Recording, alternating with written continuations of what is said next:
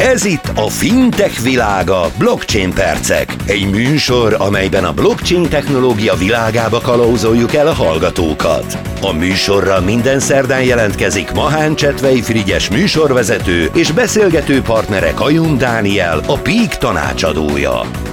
A műsor szakmai partnere a Blockben. A fintek világa blockchain percek mai adásában is Kajum Dániel a szakértő, akivel botrányokról fogunk beszélni, hiszen ezt a rendszert is azért, vagy ezt a kereskedést, vagy ezt az univerzumot is bőven árnyalják a kisebb és nagyobb botrányok. E, valóban a mai nap a legnagyobb kriptovaluta botrányokat gyűjtöttük össze, hát vagy legalábbis egy részüket, mert e, ahhoz, hogy az összes, összeset felsoroljuk, ahhoz nincs elég időnk. E, sajnos túl sok ilyen, ilyen van a szektorban, viszont néhány közülük eléggé kiemelkedik.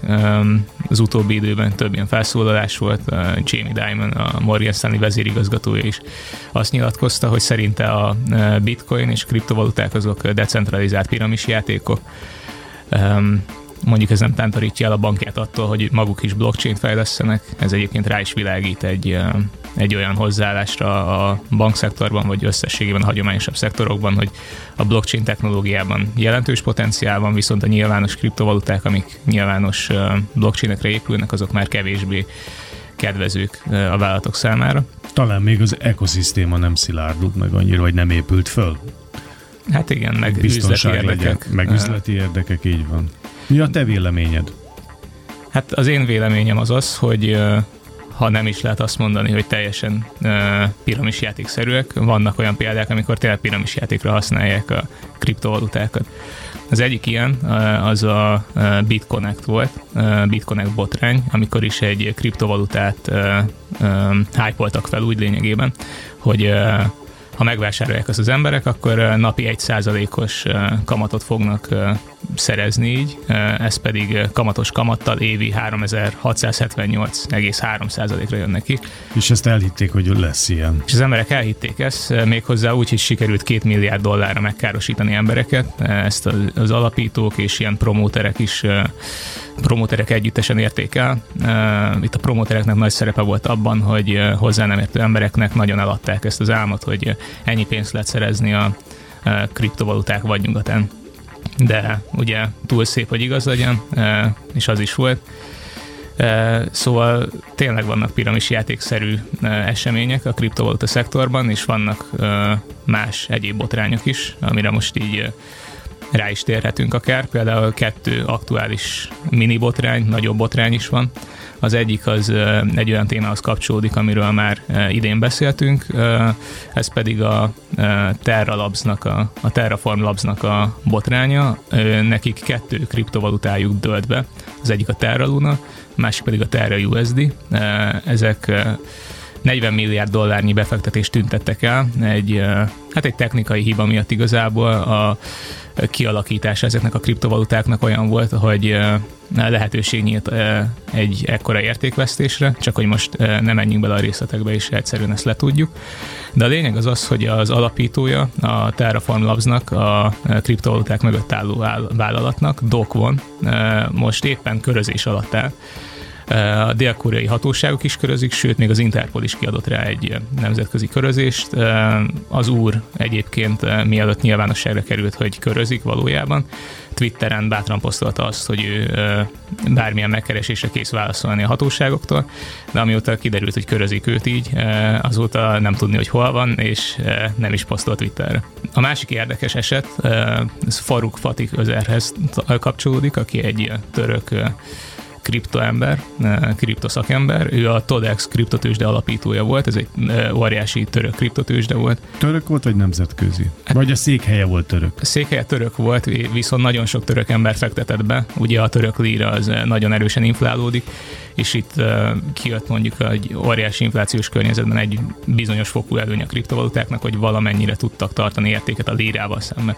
Egyáltalán nem azt mondom, hogy most forinttal szemben ez így valójában így lenne. Nem ösztönzök senkit sem vak kriptovaluta befektetésekre. Na most Özer 400 ezer felhasználóval rendelkezett a Todex kriptotősdéjén, ez nem akik, kis szám? Igen, akik egy még nagyobb számnyi, két, két milliárd dollárnyi összeget tartottak a felületen. amit ez az úr, Faruk Fati közer lezároltatott, és lényegében eltulajdonított még tavaly, 2021-ben. És most De bocs, hogy meg, megakasztak, ez technikailag úgy néz ki, hogy, hogy ezek az emberek számlát nyitottak a kriptotősdén, beutalták a pénzüket, és elvileg ezért kaptak valami kriptovalutát. E, igen. Be... És a számla az be volt kötve ehhez az úriemberhez, amiben betolták a zsét. Hát az úriember tulajdonolta a kriptotősdét, ő üzemeltette az emberek pedig igen befizettek lírát, dollárt, eurót, bármit, Ami és azért, azért vehettek kriptovalutákat és ezeket a pénzeket így lezárolta. Először azt mondta, hogy kibertámadás érte a felületet, ezért lezárolt minden fiókot, és felfüggesztett minden kereskedést, aztán meglépett Albániába. Most Albániában sikerült is megtalálni őt, megpróbálta teljesen megváltoztatni a kinézetét, leborotválta a haját, stb. filmbe illő, filmbe illő motivumok, de végül is sikerült biometrikus, azaz egyéni biológiai jegyek alapján azonosítani őt. És most elkapták, és a legviccesebb a történetben, hogy társaival együtt egy elég abszurd időtávra akarják elítélni őket. Pontosan 40.564 év várhat rájuk. Mert olyan a jogrendszer Törökországban is, mint például az usa hogy több száz éveket kapott egy ember?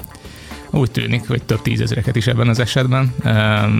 A részleteket sajnos nem találtam meg, de minden esetre megkapja hát azt, ami jár neki. Az öröklét akkor erősen kétséges itt, ennél az úri embernél. De van, amikor nem egy embert keresnek, hanem mondjuk egy kriptotősde dől be. Ilyen volt például a Mt. Gox japán kriptotősde, amely egy időben az össz, a világon az összes bitcoin tranzakció 70-80%-áért volt felelős. Melyik a neve még egyszer? Mt. Gox, ez már nem üzemel, jó okkal is voltak, egy, voltak olyan időszakok még a leállás előtt, amikor egy időre leállították a kereskedést a platformon, hogy ne, ne hevüljön túl a teljes bitcoin piac, annyira nagy kitettsége volt az egész bitcoin a szisztémának erre a kereskedési felületre, és ez az óriási népszerűség, ez óriási fenyegetettséggel is járt, nagyon sokan próbálták megtámadni valamilyen módon, és végül 2014-ben derült ki, hogy ez sikerült is. Elvileg egy hosszabb időszak alatt loptak el e, több mint 700 ezer bitcoin a felületről, e, ami akkoriban több száz millió dollárnak felelt meg és ebből a több mint 700 ezerből 200 ezeret sikerült visszaszerezni, de a többit nem. A többinek nyoma veszett, azóta sem találták meg, és a csődöt így nem sikerült elkerülni a cégnek, ezért már nem is működik ez a Mt. Gox tőzsde, kriptotőzsde, de ez egy óriási tanulság volt a többi kriptotőzsnek a jövőben az egyik üzemeltetője vagy alapítója ennek a cégnek végül hát ilyen kiberbiztonsági szakértő lett a, a kriptoszektorban azokat a tapasztalatokat felhasználva, amelyeket akkor szerzett, amikor vissza tudott szerezni legalább 200 ezeret az ellopott több mint 700 ezerből. És akkor nézzük itt a határunkon történő eseményeket is, hiszen van egy elég közeli példánk. Igen, van egy ukrán példánk, amit hát nevezhetnénk botránynak, de én személy szerint nem tartom olyan óriási, ilyen óriási botrányos akciónak. Ugye a háború kezdetekor Ukrajna adományokat kriptovaluták formájában is fogadott, és ez meg is osztottak Twitteren kriptovaluta tárca címeket, amire lehetett pénzt küldeni és egy időben bejelentették, hogy az Ethereum rendszerén küldött adományokat, mondjuk az Ether adományokat, azokat szívesen fogadják, és cserébe airdropokat adnak majd az embereknek. Azaz? Az airdropok pedig ilyen lényegében ajándékok, véletlenszerűen kiosztott ajándékok, ez lehet mondjuk NFT vagy kriptovaluta, és akkor lényegében pénzajándék, egy, olyan, mint egy, nyere, egy óriási nyereményjáték. Egy nagy tombola, igen. Na most sokan úgy akarták kihasználni ezt a rendszert, hogy minimális adományokkal kezdték el bombázni a kriptovaluta tárcát, hogy bekerüljenek úgymond a sorsolásba, a tombol a sorsolásba, és ezen akartak nyerészkedni, hogy egy éppen háborúban álló ország kiszolgáltatott helyzetben van, és akkor próbálnak rajtuk profitálni azzal, hogy egy kicsit adnak, többet kapnak vissza potenciálisan.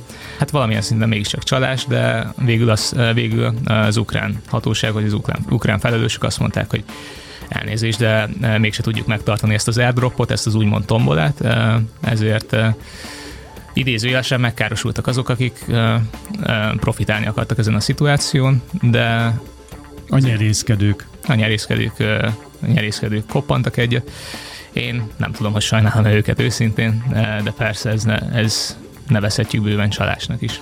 Én szerintem ezekből az esetekből mindenki számára kiderülhetett, hogy rettenetesen vékony jég, amin jár az, aki, aki kriptovalutákkal kereskedik.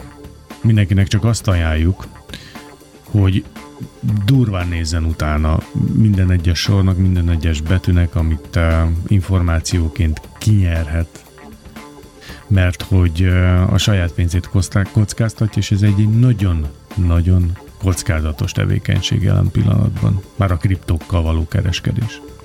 Óriási mértékben, és pont ezért fogunk jövő héten arról beszélni, hogy milyen, módok, milyen módon lehet ellenőrizni egy projektnek a hitelességét, hogyan tudunk megbizonyosodni arról a saját képességeiknek megfelelően, hogy nem egy család projektbe fektetünk be, hanem egy valódi kriptovaluta projektbe.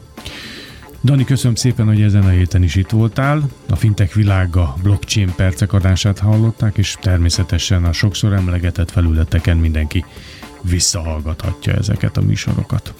Igen, a fintech.hu rádió műsorok menüpontjában minden régi adásunkat visszahallgathatják. A viszonthallásra köszönöm, hogy itt voltál. Köszönöm.